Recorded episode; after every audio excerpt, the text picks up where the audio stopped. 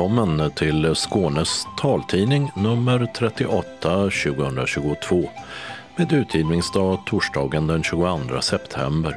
Solen gick upp 6.52 i morse och ner går den igen 19.07 ikväll. I studion Dodo Parikas och Gunilla Kracht. Tekniker är Martin Holmström och det här är innehållet. Nu har den första patienten i Sverige behandlats med genterapin Luxturna mot en sällsynt form av retinitis pigmentosa, RP. Malmös färdtjänstbokning låg nere i fredagsrusningen. Oklart varför. Enkät bland Glaukomförbundets medlemmar visar på stora brister i ögonsjukvården. Ta lärdom av diabetesvården och inrätta särskilda glaukomsjuksköterskor, uppmanar förbundet. Öppnat och stängt så med vågpelare och mötesplats. Valet i backspegeln. Ångerfull valmyndighet polisanmälde sig själva efter allvarligt sjabbel med valmaterial till synskadade. Många synskadade i Skåne har fått hjälp av honom.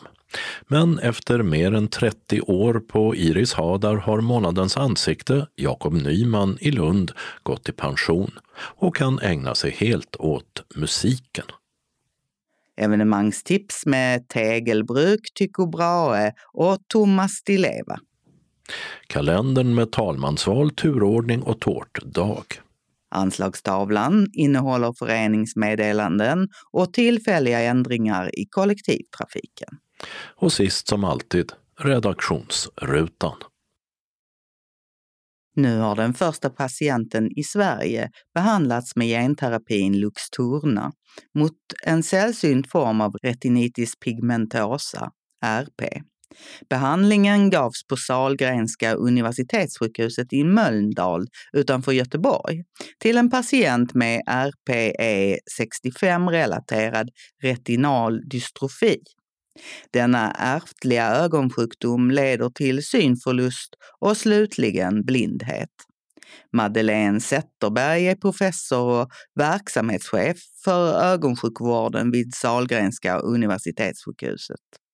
Ja, men det känns ju väldigt roligt, måste jag säga. Det är fantastiskt att kunna erbjuda en helt ny behandling så här till en patientgrupp som vi inte har kunnat hjälpa annat än med hjälpmedel och synhjälpmedel. Men inte rent medicinskt eller kirurgiskt så har det inte funnits någonting som vi har kunnat göra. Så det känns ju väldigt roligt. Och det här är en patientgrupp som tidigare i princip bara kunnat gå och vänta på att bli blinda mer eller mindre. Nu finns det ändå hopp. Man kan bromsa upp sjukdomsförloppet och majoriteten får faktiskt en bättre synfunktion. Det är över 90 procent som får en bättre ljuskänslighet och kontrastkänslighet. Så det känns ju jätteroligt måste jag säga. Vad vet ni om utgången för just den här patienten så här långt? Den här patienten då som är en vuxen kvinna, operationen gick bra, det var inga komplikationer. Det är ju en regelrätt näthinneoperation, alltså en vitrektomi kallas det, man tar bort glaskroppen och sen ska man spruta en vätskemängd, då, 0,3 milliliter, under näthinnan. Och det finns ju potentiella risker med det, att näthinnan kan spricka eller lossa eller så, men det gjorde det inte. Vad vet ni om hur det är för patienten när det gäller synen? Det vet vi inget om ännu. Patienten fick ju ligga inne på vår vårdavdelning ett dygn efteråt. På rygg ska man ligga då för att vätskan ska ligga på plats eh, under gula fläcken. Och sedan så undersöktes hon i samband med utskrivningen dagen därpå. Och då såg det jättefint ut eh, i näthinnan. Den här bubblan som blir när man sprutar in vätskevolymen, den hade plattat till sig och det var inga komplikationer eller något konstigt, det såg bra ut. Men synen är ju inte förändrad, varken till det bättre eller sämre, så det är inte att förvänta heller utan det är först eh, efter ett par veckor, eller tidigast efter någon vecka, att eh, man får in mer ljus i ögat. Men i, i regel eh, ett par eller några veckor innan man märker någon effekt. Och synskärpan är ju det man mäter på en bokstavstavla. Och för den här patientgruppen så, så är det vanligast att man inte ser någon förbättring i hur många bokstäver man kan läsa på en tavla. Men däremot så får de kraftigt förbättrad ljuskänslighet och också förbättrad kontrastkänslighet. Och det får stora konsekvenser för synfunktionen ändå, även om man inte kan läsa fler bokstäver. Och det är för att man kan orientera sig bättre i sin omgivning. Man kan röra sig i rum även om det är lite dunkel belysning och man kan orientera sig utomhus kanske utan ledsagare. Jag har hört beskrivningar av patienter som har kunnat gå och handla på egen hand och som inte har kunnat innan de blev behandlade. Och det är patienter som har kunnat påbörja utbildningar, alltså påbörja studier. Och när det gäller barn då, för det är ju ganska många av dem som handlas med barn, så är det ganska vanligt att barn med den här typen av näthinnesjukdom, att de gradvis blir mer inbundna i sättet och i beteendet i takt med att synen försämras. Och då har man sett att när de har fått behandlingen så blir de mer utåtriktade och mer aktiva och, och så. Så att den här behandlingen har stor positiv nytta för livskvaliteten. Hur många patienter kan då ha nytta av just den här behandlingen? När det gäller personer med just den här mutationen då tror man att det kanske är 20 till 30 personer bara i landet. Och då är det inte ens alla de som är aktuella för behandling. För man måste ha lite syn kvar, man måste ha lite fungerande tappar och stavar för att behandlingen ska hjälpa. Så det kanske inte är mer än ett tiotal, 10-20 patienter, något sånt. Hur bedömer du möjligheten eller tiden tills eh, när det kan finnas motsvarande genterapier för andra typer av RP?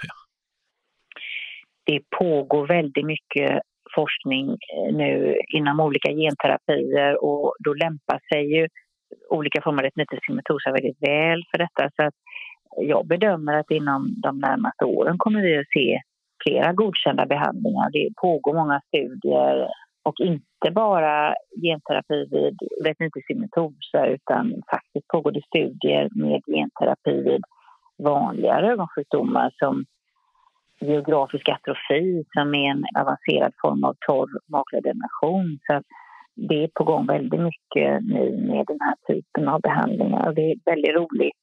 Det kommer ju genterapi inom andra områden också neurologiska sjukdomar, muskelsjukdomar. Det finns ett godkänt läkemedel vid spinal muskelatrofi, olika cancersjukdomar, blodsjukdomar och så kommer ju genterapi vid. Men ögat är ett organ som lämpar sig väldigt väl för genterapi för det är ett litet organ. Det är ganska lätt att komma åt och ge läkemedlet. Det behövs bara en liten volym av läkemedlet och man kan se lätt om man får in läkemedlet man kan lätt ha koll på och monitorera effekten av det. Så, så att ögat lämpar sig väldigt väl för genterapi och också att det finns flera sjukdomar då, som retinitis som lämpar sig väl för genterapi som det rör sig om en mutation i en enda gen. Då. Det sa Madeleine Zetterberg, professor och verksamhetschef för ögonsjukvården vid Sahlgrenska universitetssjukhuset i Göteborg. Och behandlingen med Luxturna kommer även att ges på Skånes universitetssjukhus i Lund. Reporter var Dodo Parikas. I löpsedeln på vår hemsida finns en länk till ett tidigare inslag om Luxturna. Under fredags eftermiddagen den 16 september låg Malmö stads färdtjänstbokning nere i drygt tre timmar. Oklart varför. Och det gick inte att boka. Vad störningen exakt berodde på är inte helt klarlagt ännu, men det är någonting med vårt bokningssystem som hände som gjorde att vi inte kunde ta emot nya bokningar.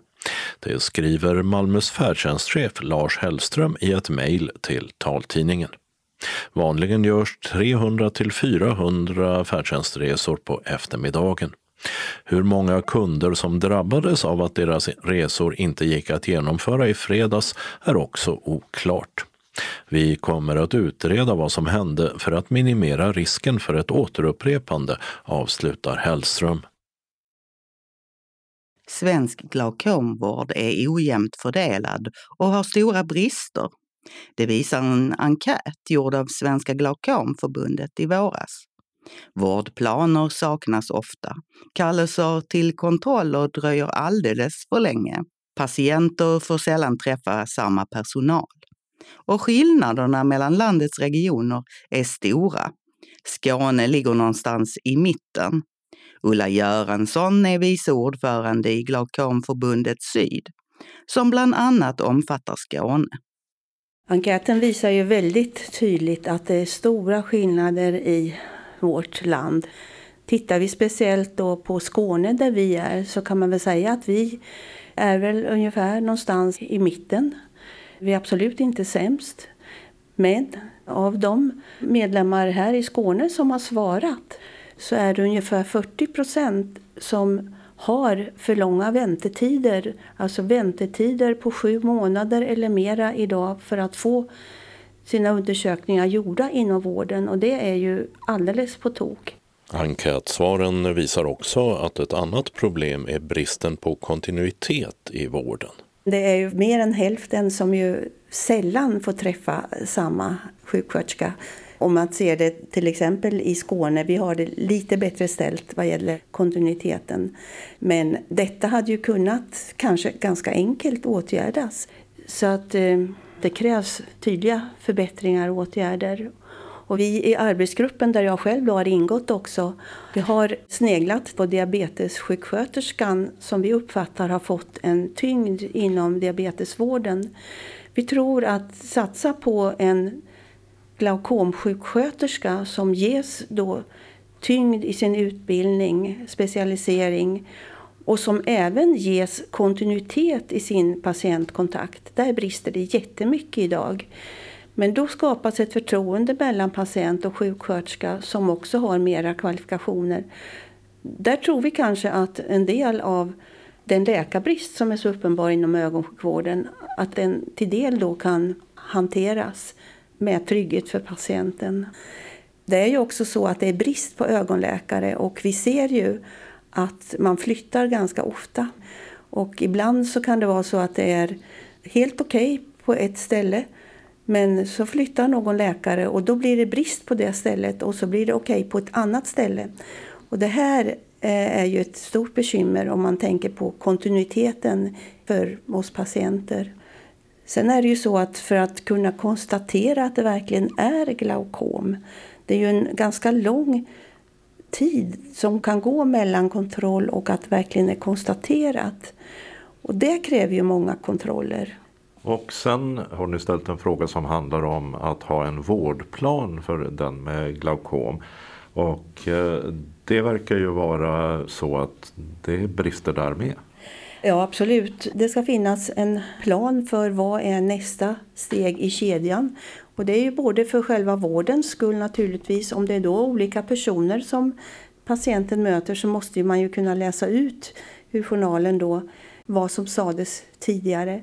Men det handlar ju också om att patienten själv ska kunna ta ett större ansvar och därmed ha kunskap om sin vårdplan. Och vi har ju ställt frågan i enkäten och det har ju kommit fram till på riksnivå så är det bara 31 procent som svarar klart att de har sin vårdplan. I Skåne är det 39 procent som svarar det.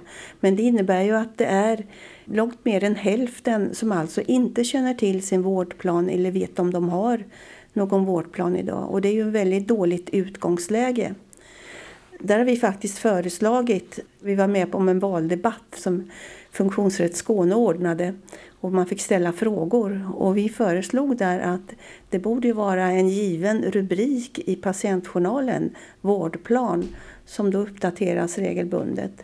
Och man som patient också ska faktiskt borde uppmuntras och ta ansvar för att gå in och titta i sin patientjournal, vara kunnig och insatt i sin diagnos. Och eh, där handlar det om att ni vill utbilda personer med glaukom. Hur ska ni utbilda dem?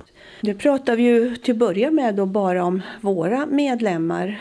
Och eh, det finns ju långt, långt fler personer som har diagnosen glaukom som inte är medlemmar hos oss. Men vi får ju börja där vi står.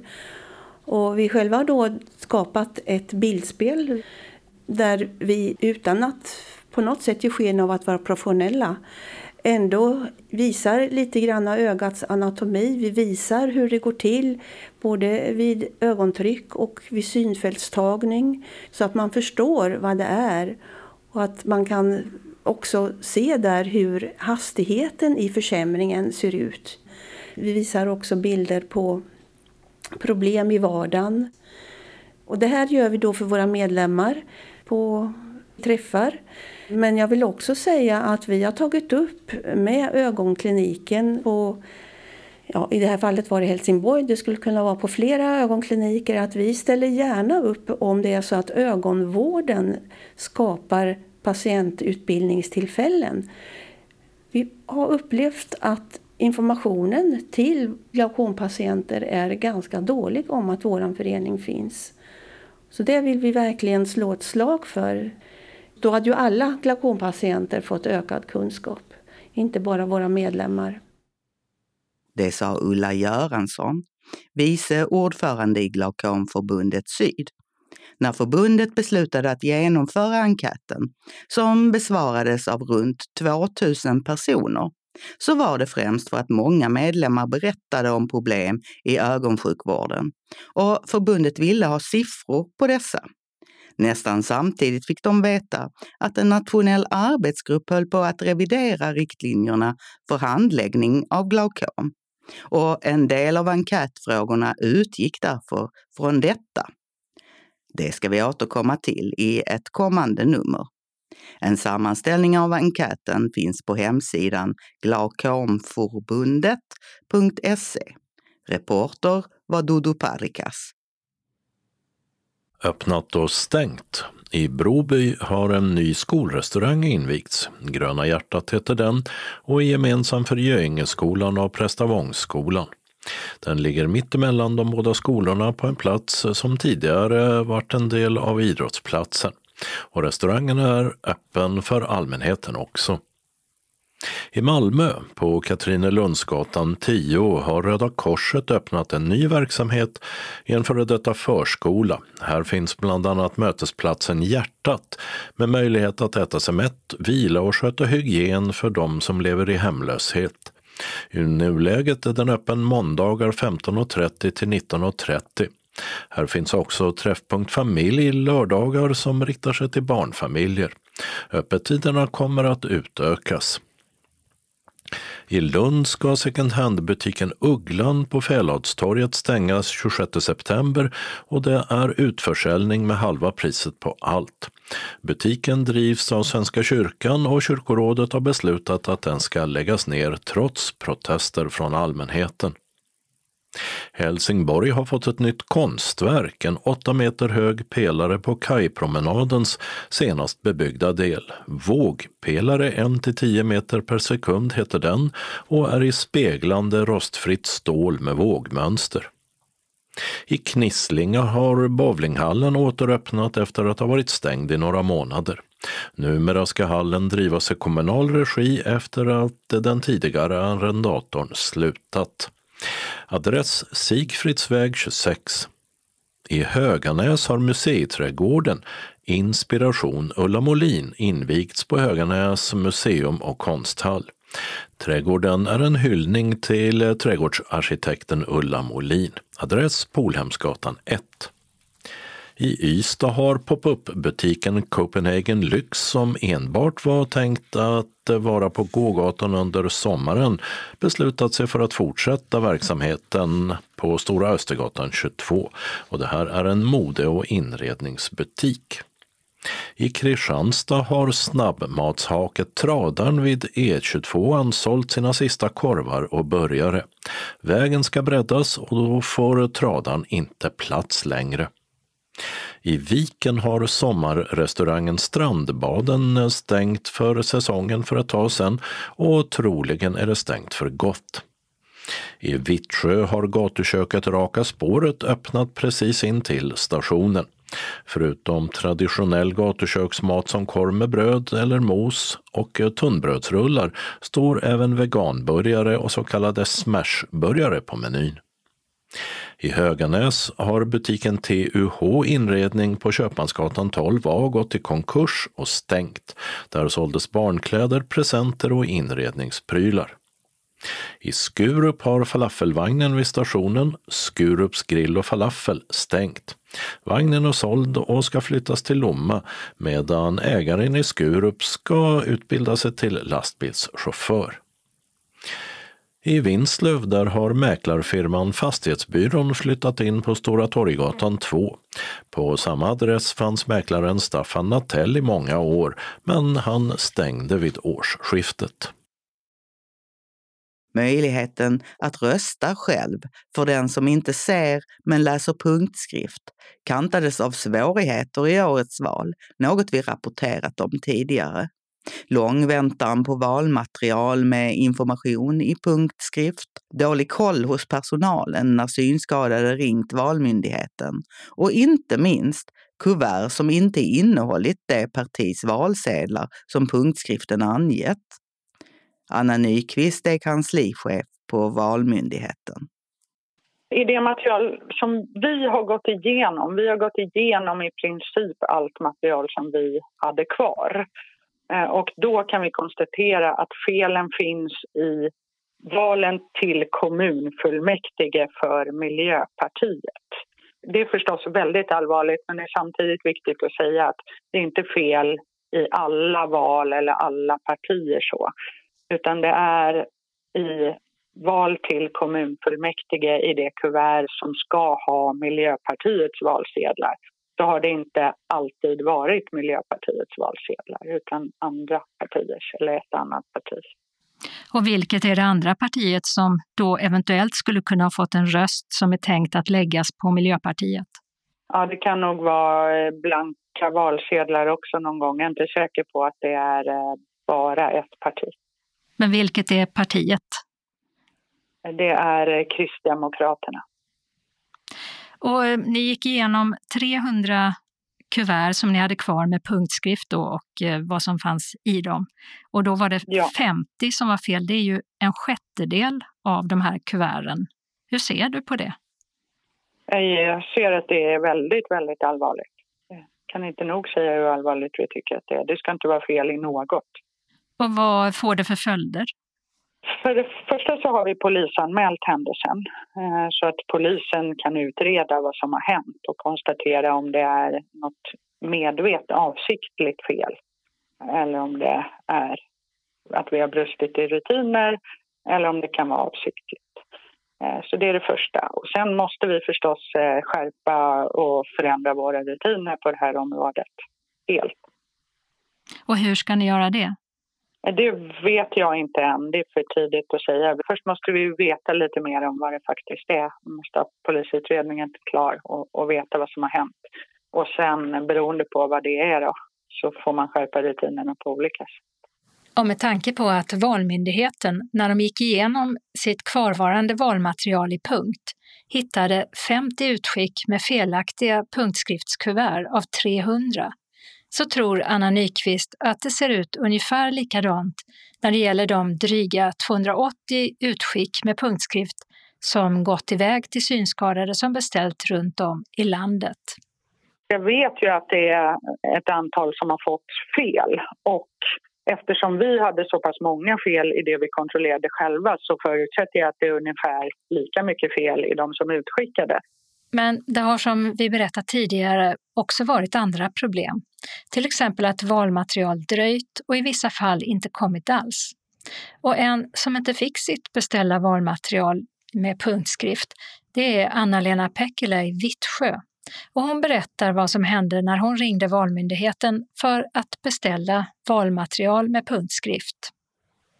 Så fort jag fick veta att man kunde göra det så ringde jag direkt och eh, kvinnan jag pratade med var lite svävande, liksom jaha, väldigt så här undrande. Och jag sa det, ja men eh, jag har fått besked om att eh, jag ska ringa till er.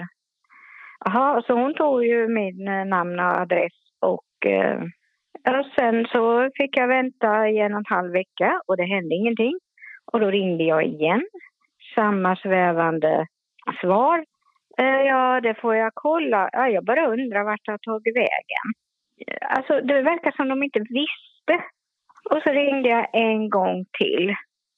lika svävande. Men det kom aldrig några. Så hur röstade du, du då? Jag fick hjälp av en kompis och jag tyckte inte det kändes bra. Nu råkar jag veta att den personen röstar på samma sak som jag. Därför gjorde jag det. Annars hade jag absolut inte gjort det. Så du fick inte ha kvar din valhemlighet då liksom? Nej. Men det här att du inte fick ditt röstmaterial fastän du ringde flera gånger, vad tycker du om det? Skamligt. Och vad hoppas du på till nästa val? Jag hoppas verkligen att de får besked om hur det här ska hanteras och hur viktigt det är för oss att vi får det på rätt media. Och Synskadades riksförbund har också tagit emot ett tjugotal klagomål från synskadade personer som när de hört av sig till Valmyndigheten fått beskedet att de ska beställa valmaterialet i punktskrift från kommunen. Kanslichef Anna Nyqvist på Valmyndigheten igen. Det är ingenting som jag känner till eh, nu men däremot vet jag att vi skickade ut ett antal material till eh, stora kommuner, till några kommuner. Så, så det har funnits kommuner som har haft sådana här material också. Men självklart ska ju vi hänvisa till vårt eget utskick och den, det har funnits också gått att beställa på webbplatsen. Och sen också att eh, det är en del som har väntat och väntat och fått beställa om och andra har inte fått valmaterialet överhuvudtaget. Hur kommer det sig? Jag ska säga att det är ett fåtal fall. Eh, det är klart att det inte ska förekomma några fall, men det, det är, det är inte många. Eh, utan vi har skickat ut 284, tror jag, eh, såna här kit. Och vi har fått ett fåtal, mindre än tio klagomål på sånt som inte har kommit fram. Men det, det var tidigt under processen var det ett problem med webbformuläret som gjorde att man ibland blev stoppad i de här fåtalet fall. Då, att man inte kom ända till den taxsida, att man inte fick en bekräftelse och då gick inte beställningen fram. Eh, men det var under en kort tid och eh, drabbade ett fåtal personer. Men, så då trodde de att de, då hade de inte fått bekräftelse men de trodde att de hade beställt, levde i den tron fast beställningen hade inte gått fram. Det sa Anna Nyqvist, kanslichef på Valmyndigheten. Vi hörde också Anna-Lena Pekkile som inte fick sitt beställda valmaterial. Reporter var Åsa Kjellman Erisi. I augusti tog en epok slut på Iris Hadar i Malmö, för då gick Jakob Nyman i pension efter att ha jobbat där i mer än 30 år med datorutbildning och arbetsplatsanpassning. Nu ska Jakob ägna sig på heltid åt musiken som alltid varit en viktig del av hans liv. Och så är han månadens ansikte i september här i Skånes taltidning. Jakob Nyman börjar med att visa runt i lägenheten i Lund där det inte är någon större tvekan om att där bor en musiker. Nu befinner vi oss faktiskt i en studio och slash, vad kan man säga, gästrum. Där har jag en liten hemmastudio med massa förstärkare och högtalare, lite mikrofoner och så. Och så kan jag då bygga upp så att man har ett litet bås där man kan sjunga också för eh, så det, är dämpat. Vad är det för musik du spelar? Alltså i bandet är funk soul. Det är det jag brinner för, funk soul musik. Vad heter ditt band då? Sonic Groove. Det är, mest, det är gitarrer va? Ja, det är keyboard ja, också. Ja, men, eh, det finns gitarrer under sängarna i det sovrummet. Där finns, vi kan gå in och titta bara snabbt. Det finns en, en udd, arabisk udd. Och under sängen så ligger det ett par stycken akustiska gitarrer. Jag är bra på att köpa men väldigt dålig på att sälja. Så mm. den första gitarren där kan man säga jag köpt 79. Men är du bra på att spela då? Ja, det tycker jag väl. jag har hållit på så länge. Och här har vi, vad har vi här? Vi har fem, sex i vardagsrummet elgitarrer, två akustiska. De är ju stämda liksom med olika så att ackord och så vanlig stäm. Så att man, det är därför jag har så många, att man slipper stämma om hela tiden. Ja, lite eh, andra slaginstrument, lite arabiska trummor och faktiskt en rolig indisk, vad kallar man det för, Lerkrustumma eller? Nu är de borta. Kom här med mig! Ja, ja, ja, jag är inte så snabb. Här har vi den. Och den liksom... Så man kan... Det är liksom en lerkruka med, på, som ligger på sidan och sen har den ett hål och ett trumskinn på Ja, sig. sen är det ett stort hål som man kan stoppa in handen så man kan sänka tonen och så. Ja. Har du varit i Indien eller? Nej. Men jag älskar instrument. Så det finns afrikanska instrument där och någon tunisisk liten flöjt också. Och här har vi lite piano. Och där har jag ju när jag sitter och övar. Men jag spelar inte så högt så grannarna har aldrig klagat faktiskt. Men vad, vilken är din favoritgitarr då?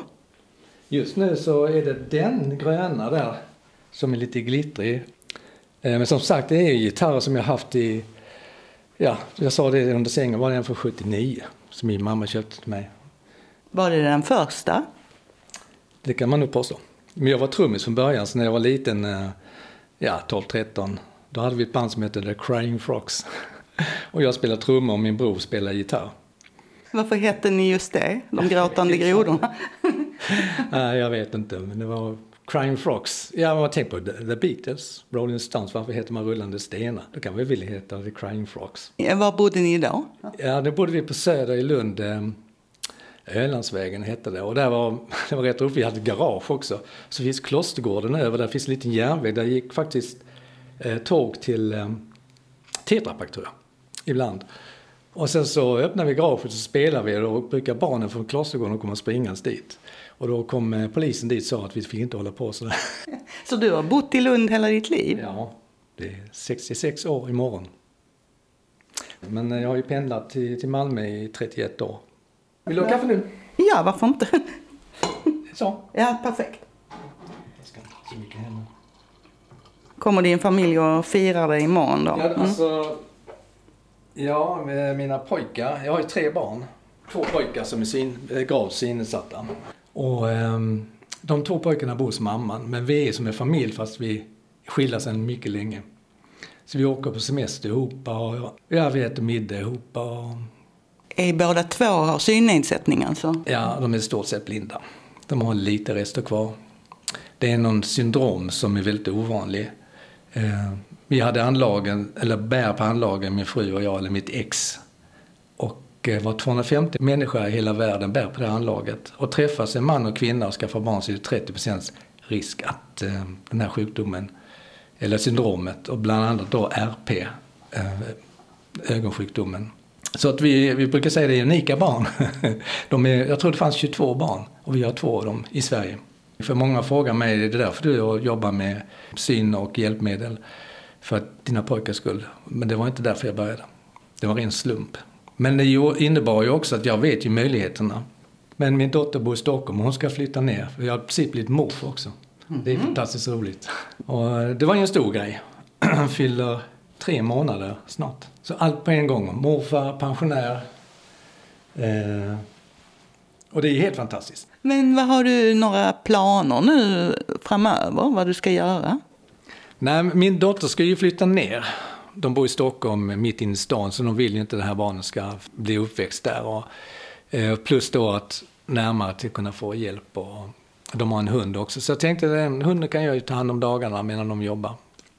Så de har ställt sig i dagiskö, så att det verkar som att de tänker flytta om, om ett år, inom ett år. Och det är jag jätteglad för att slippa åka till Stockholm för att träffa den lille. Men den här gjorde jag för länge sedan, så är inte... Det,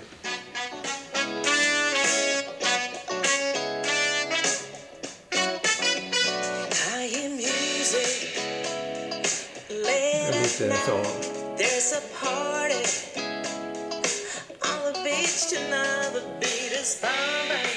Det här i och med det här med pandemin kom, då fanns det ingenstans att spela utan då började vi hålla på, eller jag började skriva musik och de kom hem.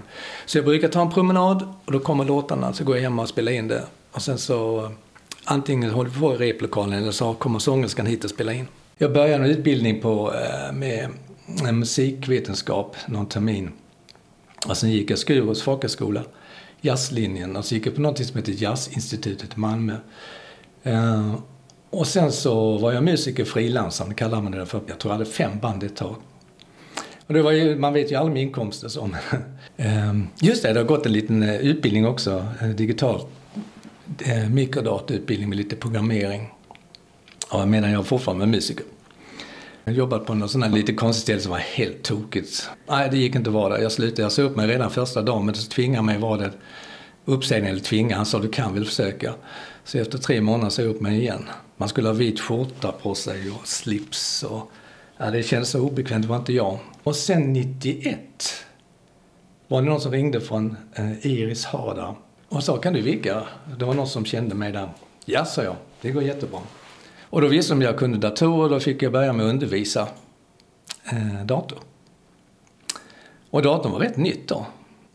Det var inte alltså, som, som idag. Eh, så jag började med det och sen så förstod de att det här med teknik, att jag brann för det. Och så började jag, började jag liksom bli intresserad av detta och kunna hjälpa folk för att komma ut i arbete. Så du bara halka in där på ett bananskal? Ja, hela mitt liv har varit så. Men det är ju nästan halva livet som jag har varit där. Och det var ett fantastisk tid. Så har du jobbat med samma sak under alla de här 31 åren? Jag har jobbat med samma sak kan man ju säga, men jag har jobbat med olika grupper.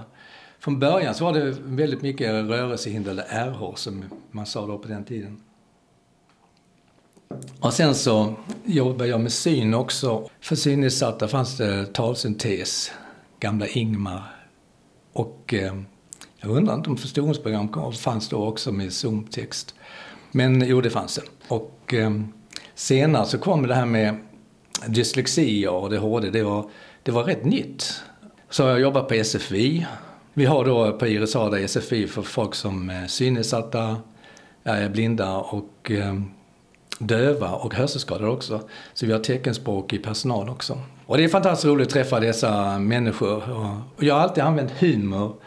Och det här med som jag nu har visat, de här instrumenten, när man träffar någon arabisktalande eller någon som kommer från de här länderna man har en udd. Och jag berättade det liksom när man träffas att jag har en udd hemma.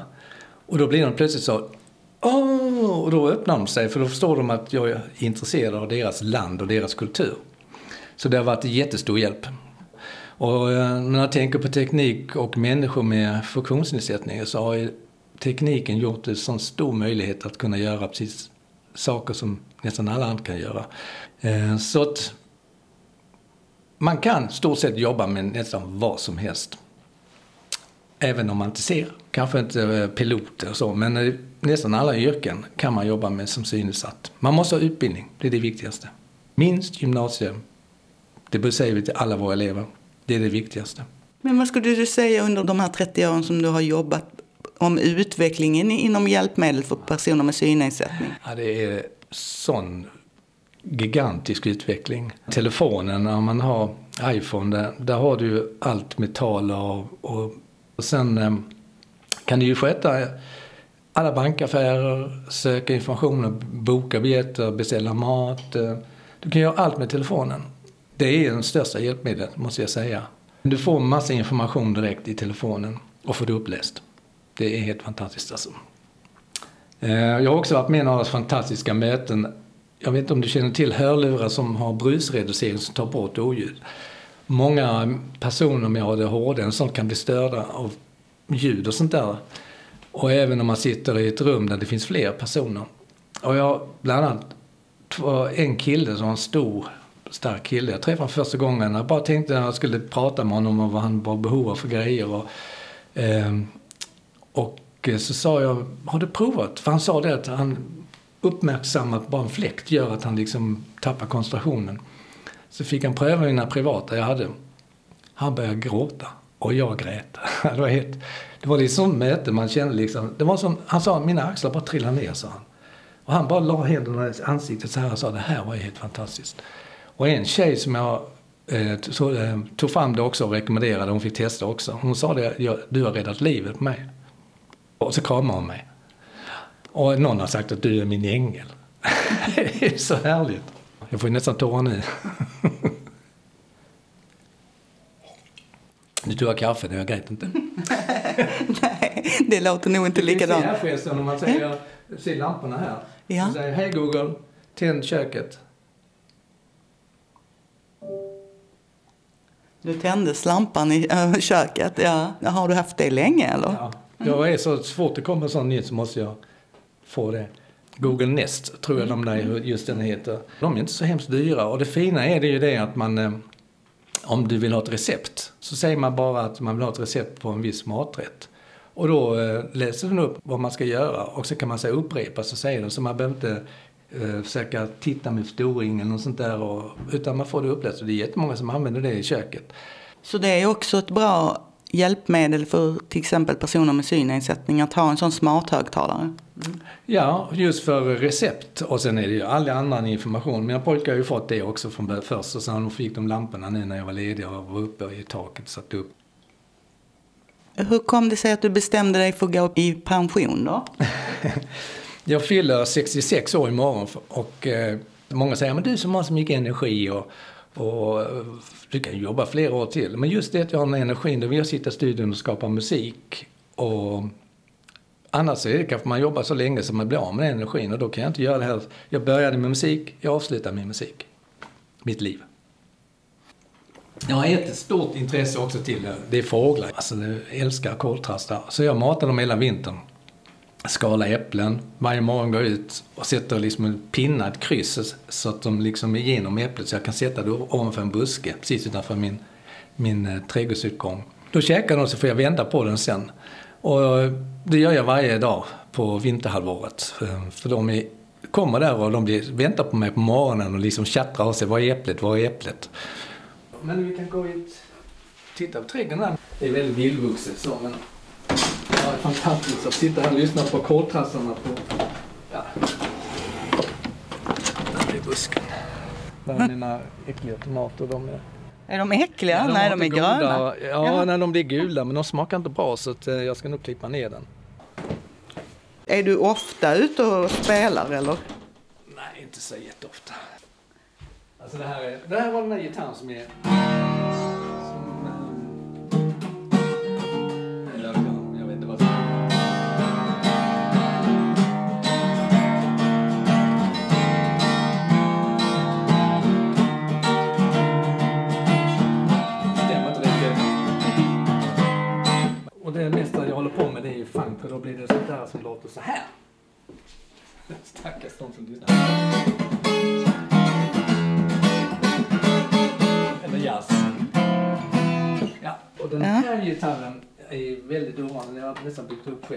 själv. Den har små pedaler här som man kan... Eh,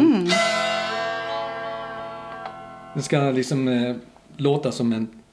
Eh, vad kallas det för? Sti- Stilgitarr? Nej. Jo. Och då har de pedaler och, och de Ja, kör med just det. knäna. Den här afrikanskt.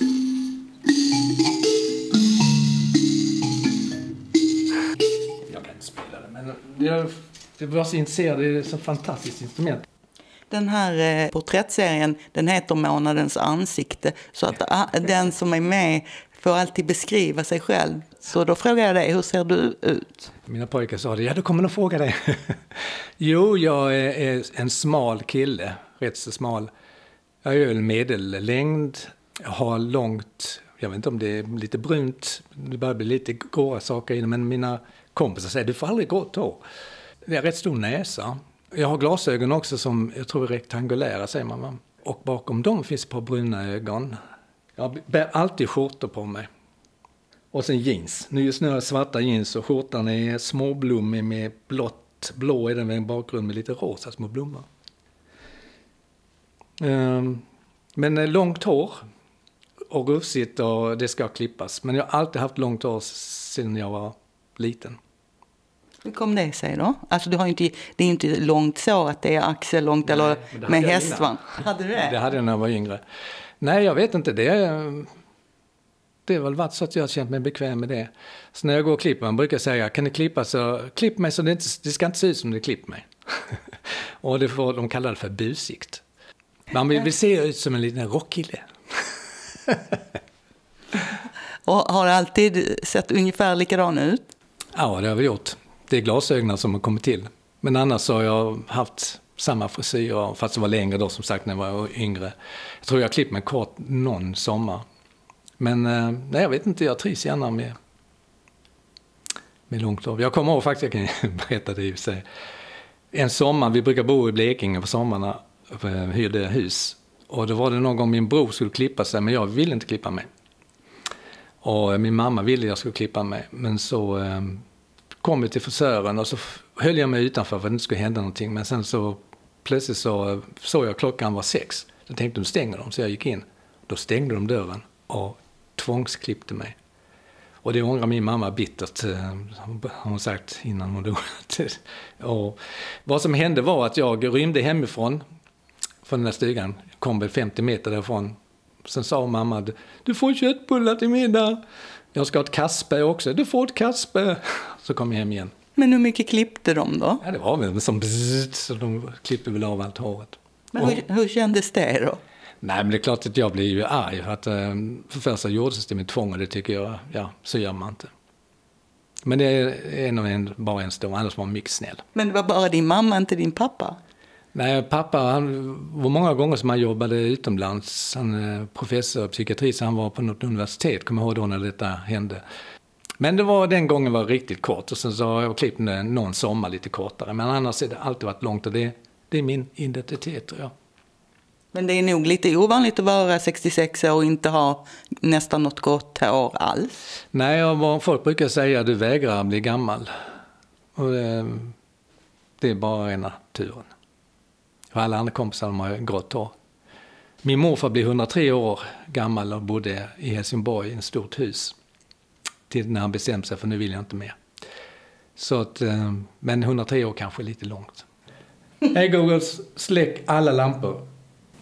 Okej, släck till sju lampor. Det verkar som att två lampor inte går att nå just nu.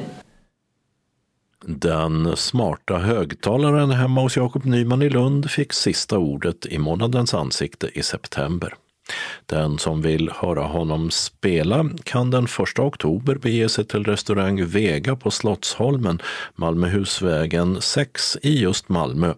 Då kommer han nämligen att hoppa in som pianist i ett tillfälligt band som ska kompa bluesartisten Freddie Nyström från Göteborg.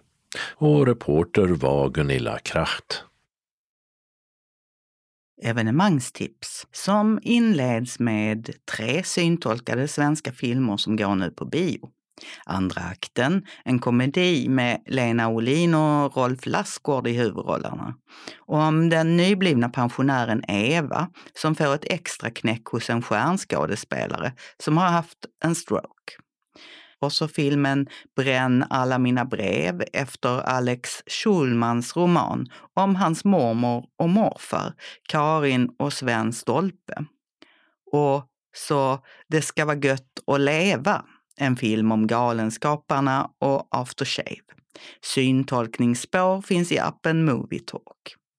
Mer syntolkat, URs serie Våra tonåringar, där kända och okända tonårsföräldrar möts kring samtal om sina barn, finns tillgänglig i syntolkad version på UR Play. Programledare är Anders Lundin, själv pappa till två tonåringar och serien består av fem avsnitt. Den 23 september klockan 19 har den svenska versionen av musikalen Mitt om natten med Kim Larsens och Gasolins största hits premiär på Nöjesteatern på Amiralsgatan 35 i Malmö. Föreställningen har varit en stor publiksuccé i ursprungslandet Danmark och spelas till den 11 december. Biljetterna som kostar 750 kronor för vuxna säljs av Julius Biljettservice. På lördag den 24 september är det skördefest i Stadsparken i Lund mellan 10 och 17. Här finns möjlighet att köpa närproducerade grönsaker och annat ätbart. Och den som vill ha något drickbart kan ta med sig egna äpplen och päron för att omvandla till must. Det blir också underhållning i solens och skuggans trädgård. Klockan 11 spelar Alte Kamereren. Klockan 14 blir det ungersk dansuppvisning och klockan 16 blåsmusik med Bläckhornen. Det är fri entré. På Ekeboda handelsträdgård som ligger på Ekebodavägen 20 i Hörby är det höstmarknad den 24 september 9 till 15. Det blir försäljning av lokala matvaror och hantverksprodukter. Söndagen den 25 september klockan 19 ståuppar komikern Henrik Hjält, känd bland annat från tv-programmet Parlamentet, på Hässleholms kulturhus. Förkomiker är Koshar Rashid. Biljetter säljs av Nortic och kostar 348 kronor. Måndagen den 26 september klockan 17 visar fröken Bräken, alltså Jonna Jolmo, hur man gör en vacker höstkrans av grenar, löv och bär eller annat som kan hittas i naturen på Onslunda bibliotek. Anmälan görs till biblioteket på telefon 0417 184 77. Den som vill uppleva Tycho Brahe-museet på kvällen kan bege sig till Ven den 1 oktober. För då arrangeras nämligen Tycho Brahe-museet by night klockan 17.30 till 21. Det blir bland annat en lokal höstmarknad och museets guider berättar om Tycho Brahes spännande historia. Tisdagen den 4 oktober på biblioteket i Skurup klockan 17 berättar Christer Nilsson om de 11 tegelbruk som funnits i Skurups kommun. Adressen är Kyrkogatan 31 och det är gratis. Men anmälan ska göras till biblioteket på 0411 53 60 71. På Teater 23 i Malmö spelas När Åkes mamma glömde bort. En syntolkad föreställning fritt baserad på Pia Lindenbaums bilderbok om hur barnet upplever den vuxnes stressade vardag och vad som händer när rollerna blir ombytta och barnet plötsligt behöver ta hand om föräldern. Den ges två gånger onsdagen den 5 oktober. Först klockan 16 med servering av pannkakor 15.30 i Teaterns café. Och så 17.30 med pannkakorna klockan 17. Övriga föreställningar är för skolklasser. Kulturcentralen säljer biljetterna som kostar 80 kronor. Adressen är Jäknegatan 7. Artisten Thomas Di Leva ger konserten Hjärtat vinner alltid i Sankt Johannes kyrka i Malmö den 14 oktober klockan 19. Dagen efter, alltså den 15, är han i Lilla Slågarps kyrka i Anderslöv utanför Trelleborg klockan 18. Och det sista skånska stoppet på kyrkoturnén är Gustav Adolfs kyrka i Helsingborg söndagen den 16 oktober klockan 18. Nortic säljer biljetter. Den som vill lyssna till körmusik i mängd kan få sitt lystmäte i Lund den 17 till 23 oktober. För då är det nämligen Lund Choral Festival. 17 oktober uppträder danska Baobab Sisters som specialiserat sig på sydafrikansk musik klockan 17 i Magle konserthus. Dagen efter, samma tid och plats, kan man lyssna till Dalby kammarkör som framför tonsatta verk av svenska nobelpristagare i litteratur. Den argentinske tonsättaren Ariel Ramirez verk Missa Criolla framförs av 150 personer starka galakören tillsammans med folkmusikgruppen Kraja den 20 oktober klockan 19 i Allhelgonakyrkan. Dagen efter ger Kraja en egen konsert med svenska traditionella visor i Lunds domkyrka klockan 12. Nästa dag uppträder Bratislava Boys Choir på samma tid och plats. Orfei Drängar från Uppsala kommer till Allhelgonakyrkan klockan 19 den 22 och biljetter till den konserten och Missa Criolla kan köpas hos Ticketmaster. Övriga som nämnts är gratis. Mer information och fullständigt program finns på festivalens hemsida lund.coralfestival.org och Coral stavas med ch. Biljettinformation. Julius har telefon 0775 700 400. Nortic har 0455 61 97 00. Kulturcentralen 040 10 30 20. Ticketmaster 0771 70 70 70. Kalendern för vecka 39 år 2022 börjar med måndagen den 26 september. I Sveriges riksdag är det upprop klockan 11 av alla nyvalda ledamöter inför riksmötets öppnande. Och därefter är det talmansval. Med tanke på den komplexa situation som uppstått efter valet kan det bli en ovanligt dramatisk tilldragelse och sittande talman, moderaten Andreas Norlén, kan bli omvald, men det är långt ifrån självklart. Namsta har Enar och Einar.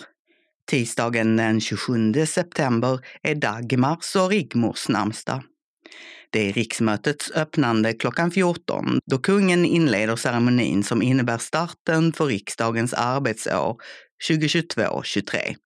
Evenemanget går att följa bland annat via riksdagens webb-tv.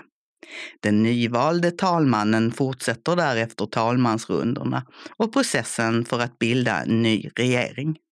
Det är hundra år sedan kung Konstantin den första av Grekland abdikerade som en följd av landets nederlag i kriget mot Turkiet. På Friends Arena i Stockholm möter svenska herrlandslaget i fotboll Slovenien i gruppspelet i Nations League. Fotbollsspelaren Marcus Rosenberg fyller 40. Han tillhörde landslagstruppen mellan 2005 och 2012, men var inte alltid uttagen till spel. Sammanlagt gjorde han 33 matcher och sex mål i blågul tröja. Mer betydelsefull har han varit för Malmö FF, där han började sin bana som barn och debuterade i A-laget 2001. Efter fem år inledde han så en utlandskarriär och bland annat spelade han i det tyska laget Werder Bremen. 2014 återvände han till moderklubben och fortsatte spela i den himmelsblå tröjan tills han la fotbollsskorna på hyllan 2019. Han var lagkapten för Malmö FF under denna andra period och vann tre SM-guld tillsammans med sitt lag. Den amerikanska skådespelaren Gwyneth Paltrow fyller 50 år. Hon debuterade 1991 i det romantiska dramat Shout och har sedan dess medverkat i nästan 50 filmer. Vid Oscarsgalan 1999 fick hon ta emot statyetten i kategorin bästa kvinnliga huvudroll för rollen som Lady Viola i Shakespeare in Love. Onsdagen den 28 september är den internationella rabiesdagen och namnsdag har de som heter Lennart och Leonard. Torsdagen den 29 september heter namnsdagsbarnen Mikaela och Mikael. Det är resande folkets dag och 510 år sedan de första resande kom till Sverige. Den brittiske musikern Brett Anderson, som var sångare och frontfigur i britpopbandet Suede, fyller 55 år. Fredagen den 30 september är det Helge som har namnsdag och det är nationaldag i Botswana. Lördagen den 1 oktober är Ragnas och Ragnars namnsdag. Det är nationaldag i fyra länder, nämligen Cypern, Kina, Nigeria och det lilla öriket Tuvalu i Polynesien. Det är även FNs internationella äldredag.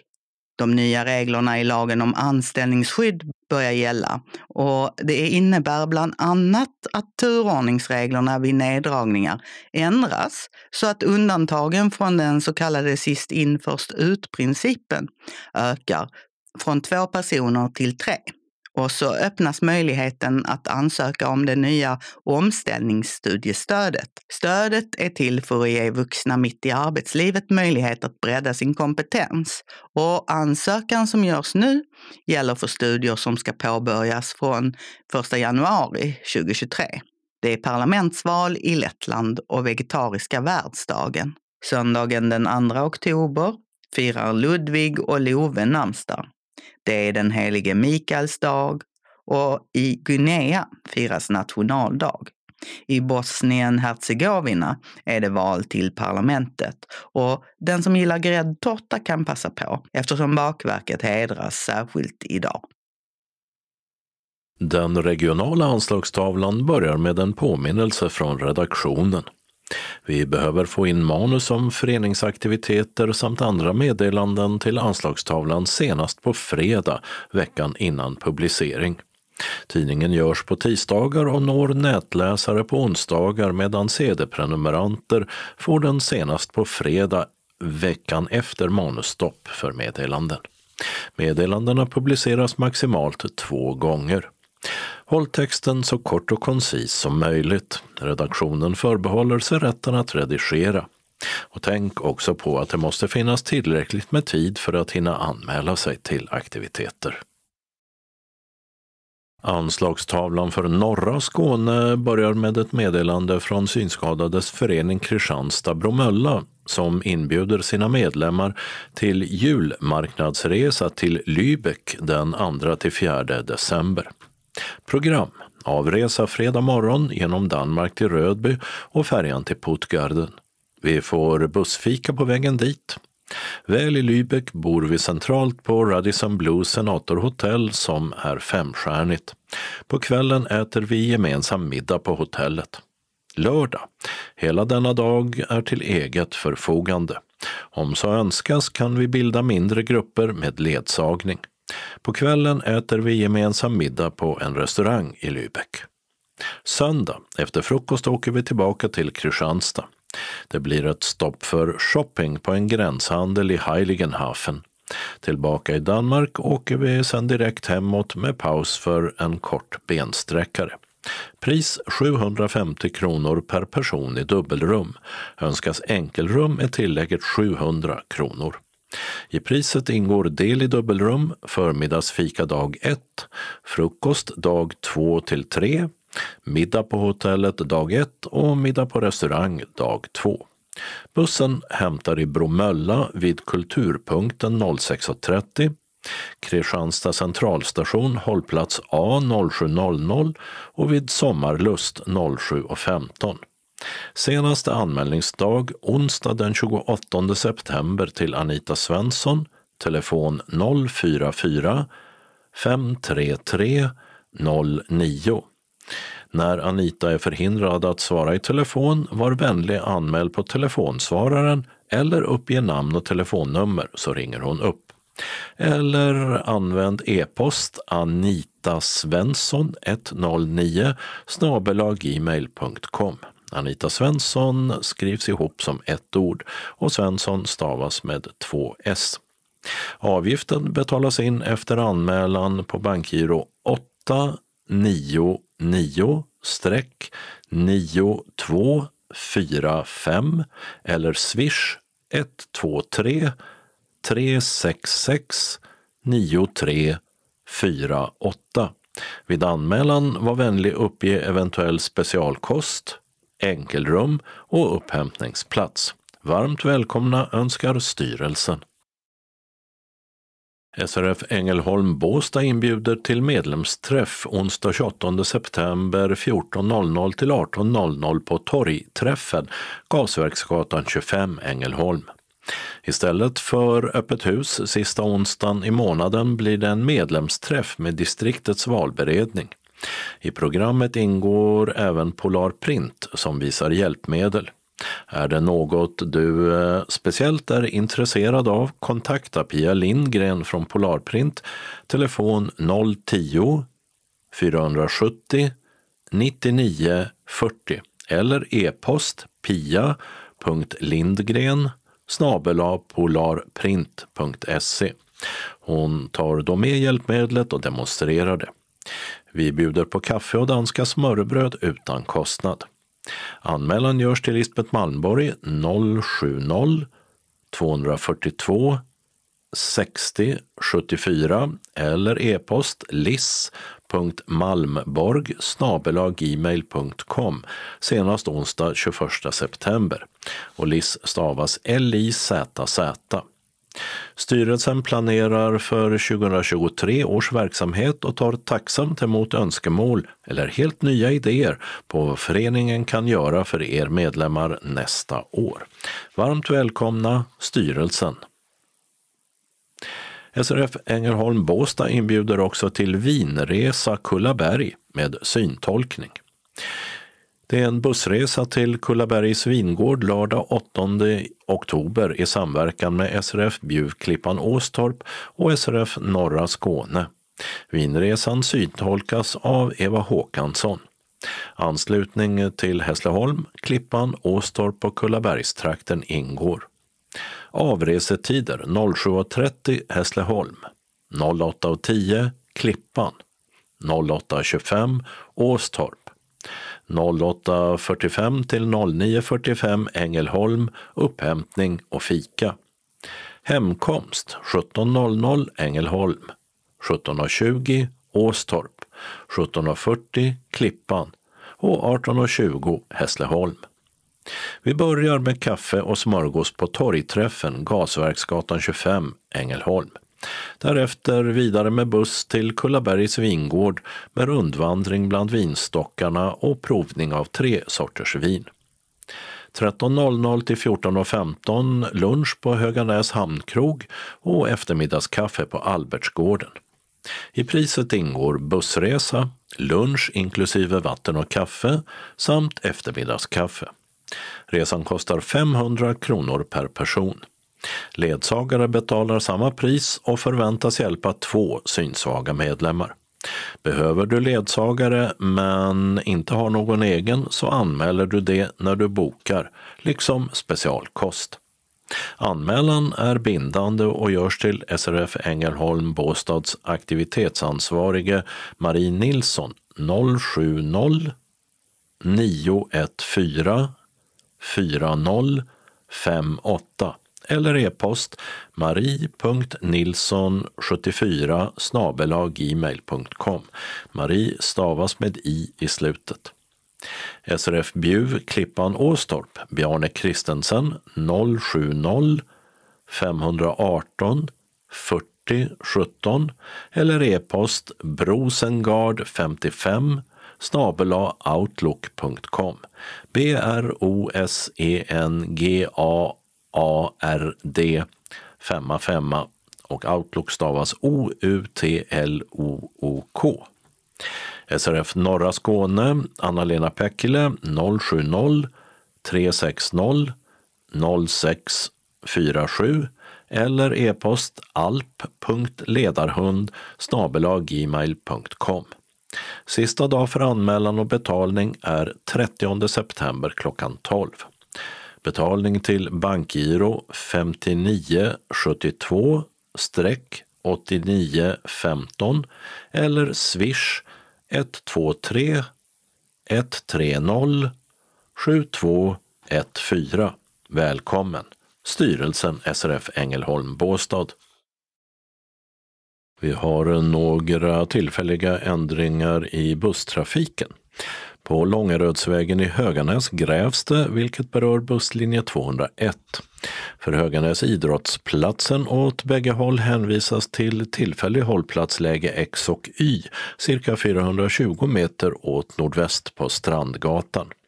För Höganäs kyrkogatan åt bägge håll till tillfällig hållplatsläge X och Y cirka 300 meter åt sydväst på Strandgatan och för Höganäs Kvickbadet till tillfälliga lägen X och Y cirka 280 meter söderut på Strandgatan. Den 30 september klockan 17 ska allt vara klart. I Helsingborg pågår VA-arbeten som berör Rektorsgatan mellan Kopparmöllegatan och Mäster Jakobs gata.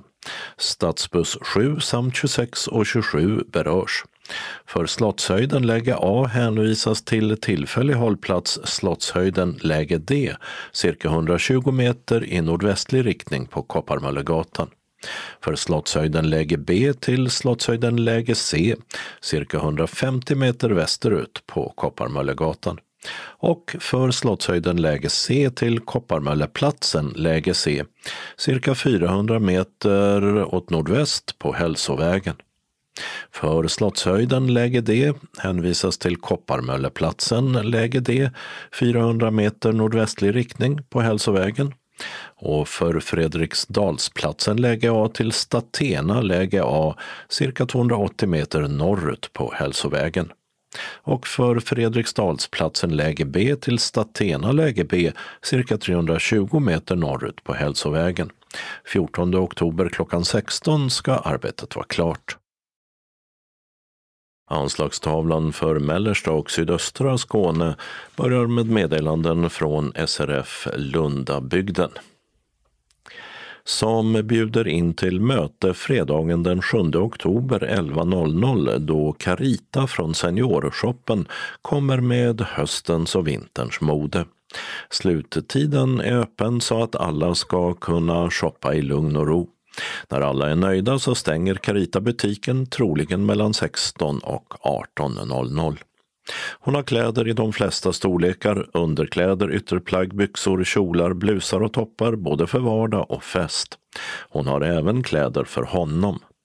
Ta tillfället i akt och ekipera dig i lugn och ro med den hjälp du behöver. Vi äter också en god sallad och för den som så önskar finns det vin till självkostnadspris. Du anmäler dig på telefon 046 211 06 74. Sista anmälningsdag är 30 september. SRF Lundabygden meddelar också att alla medlemmar är hjärtligt välkomna till medlemsträff torsdag 22 september i föreningslokalen Tordönsvägen 4i. Vi träffas 18.00 och avslutar senast 20.30. Kvällen inleds med att styrelsen berättar om vad som skett under året samt lite om vad som är på gång framöver. Det kommer finnas ordentligt med utrymme för frågor, diskussioner och förslag. Du som anmäler dig kommer innan mötet att få en kortare sammanställning av föreningens ekonomi, kostnader, intäkter och förmögenhet via e-post. Detta material kommer sedan att gås igenom under själva mötet. Kvällen avslutas med att föreningens ordförande Anders kommer att leda en rolig musikquiz där vi tävlar i lag. Frågorna är extra lämpade för oss som var unga och musikintresserade på 60, 70 och 80-talet. Även om man inte skulle kunna så många svar så kan man åtminstone njuta av lite gammal god popmusik från förra seklet. Och givetvis bjuder föreningen på smörgås, kaffe och kaka. Kvällen är helt kostnadsfri men du måste anmäla dig till kansliet senast 21 september. Varmt välkomna! SRF Ringsjöbygden meddelar att medlemmarna i SRF Ringsjöbygden hälsas välkomna på medlemsmöte måndagen den 3 oktober klockan 17.00 på Karidal i Eslöv. Representant från distriktet kommer att närvara. Anmälan görs till Birgitta, telefon 0413 54 13 33 eller 0705 50 32 61. Välkommen önskar styrelsen. Så ett par meddelanden om förlängda tillfälliga ändringar i busstrafiken. Arbetena som berör Eslövs stadsbuss nummer 2s hållplatser Aprikosgatan och Kronovägen läge A som vi berättade om i somras, de är förlängda till och med 25 september. Och grävarbetena framför stationen i Simrishamn som vi också berättat om tidigare och som berör en lång rad busslinjer, de har förlängts till och med 31 oktober. Anslagstavlan för sydvästra Skåne börjar med meddelanden från SRF Malmö Svedala som inbjuder till dagverksamheten vecka 39. Vi serverar kaffe och smörgås eller kaka till en kostnad av 10 kronor. Och vi vill att alla anmäler sig till kansliet telefon 040 25 05.40 om man tänker komma på någon av dagaktiviteterna. Senast klockan 10 samma dag som aktiviteten. Känner man sig sjuk stannar man hemma. Måndagen den 26 september 12 till 14. Vi träffas och umgås med lite fika och diskuterar aktuella nyheter samt läser lite ur tidskrifter. Ibland hinner vi även med frågesport. Och tisdag 27 september 12 till 14.15 blir det bingo.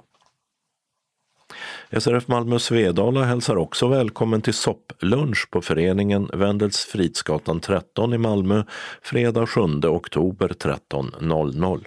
Vi får besök av Roger Wittiko som berättar om sin tid på Tomtebodaskolan under 70-talet. Tomteboda var en blindskola där alla barn med grav synnedsättning gick förr i tiden. Den lades ner 1985. Vi bjuder på ärtsoppa och pannkaka och avslutar med kaffe. Är du medlem i SRF Malmö Svedala får du allt det här för 30 kronor. Icke-medlemmar betalar 50 kronor. Avgiften betalar man kontant på plats eller med swish nummer 123 077 80 50. Färdtjänsthem kan beställas till 15.30.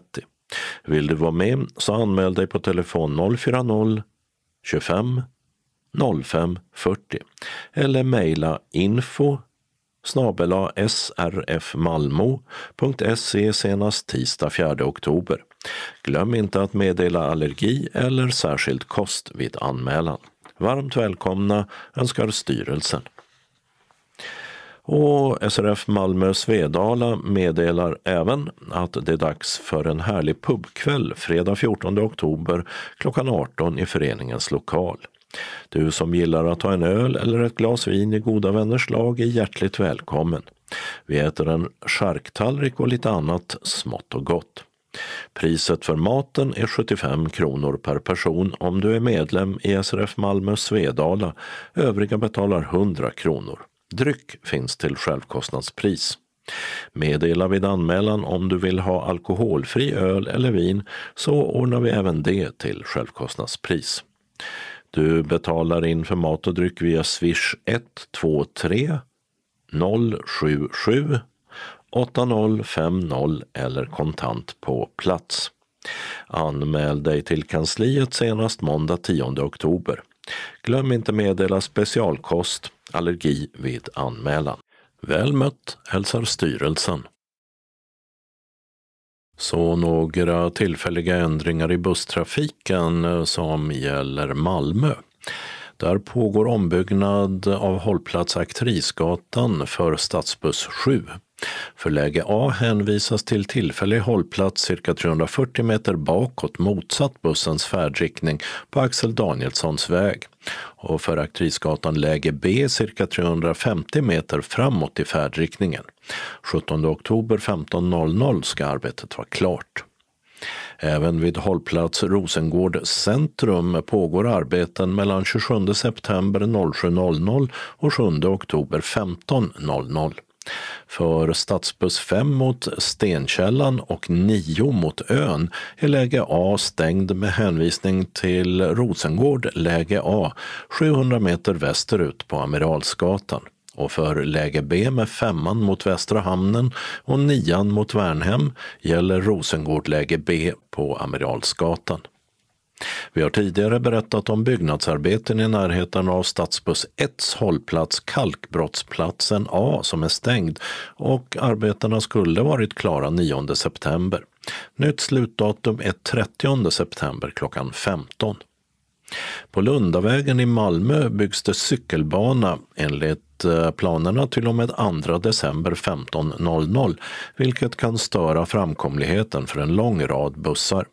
Den enda hållplats som berörs är Värnhem, läge D, som trafikeras av stadsbuss 6 mot Videdal eller Toftanäs, 34 mot Sjölundaviadukten eller Bernstorp samt matchbuss 84 mot Segevång. Resenärerna hänvisas till ett tillfälligt läge Y 70 meter bakåt på Amiralsgatan, motsatt färdriktningen. Och det var allt för den här gången. Ett nytt nummer av Skånes taltidning kommer torsdag den 29 september. Skånes taltidning ges ut av Region Skånes psykiatri och habiliteringsförvaltning. Ansvarig utgivare är Martin Holmström. Postadress Jörgen Ankersgatan 12, 211 45 Malmö. Telefon 040-673 0970. E-post Skanes taltidning snabela skane.se och hemsida skanestaltidning.se. Observera att CD-skivorna inte ska skickas tillbaka till oss. Såväl skivor som kuvert kan läggas i brännbara sopor när ni inte längre vill ha dem. Vi hörs igen. Hej då!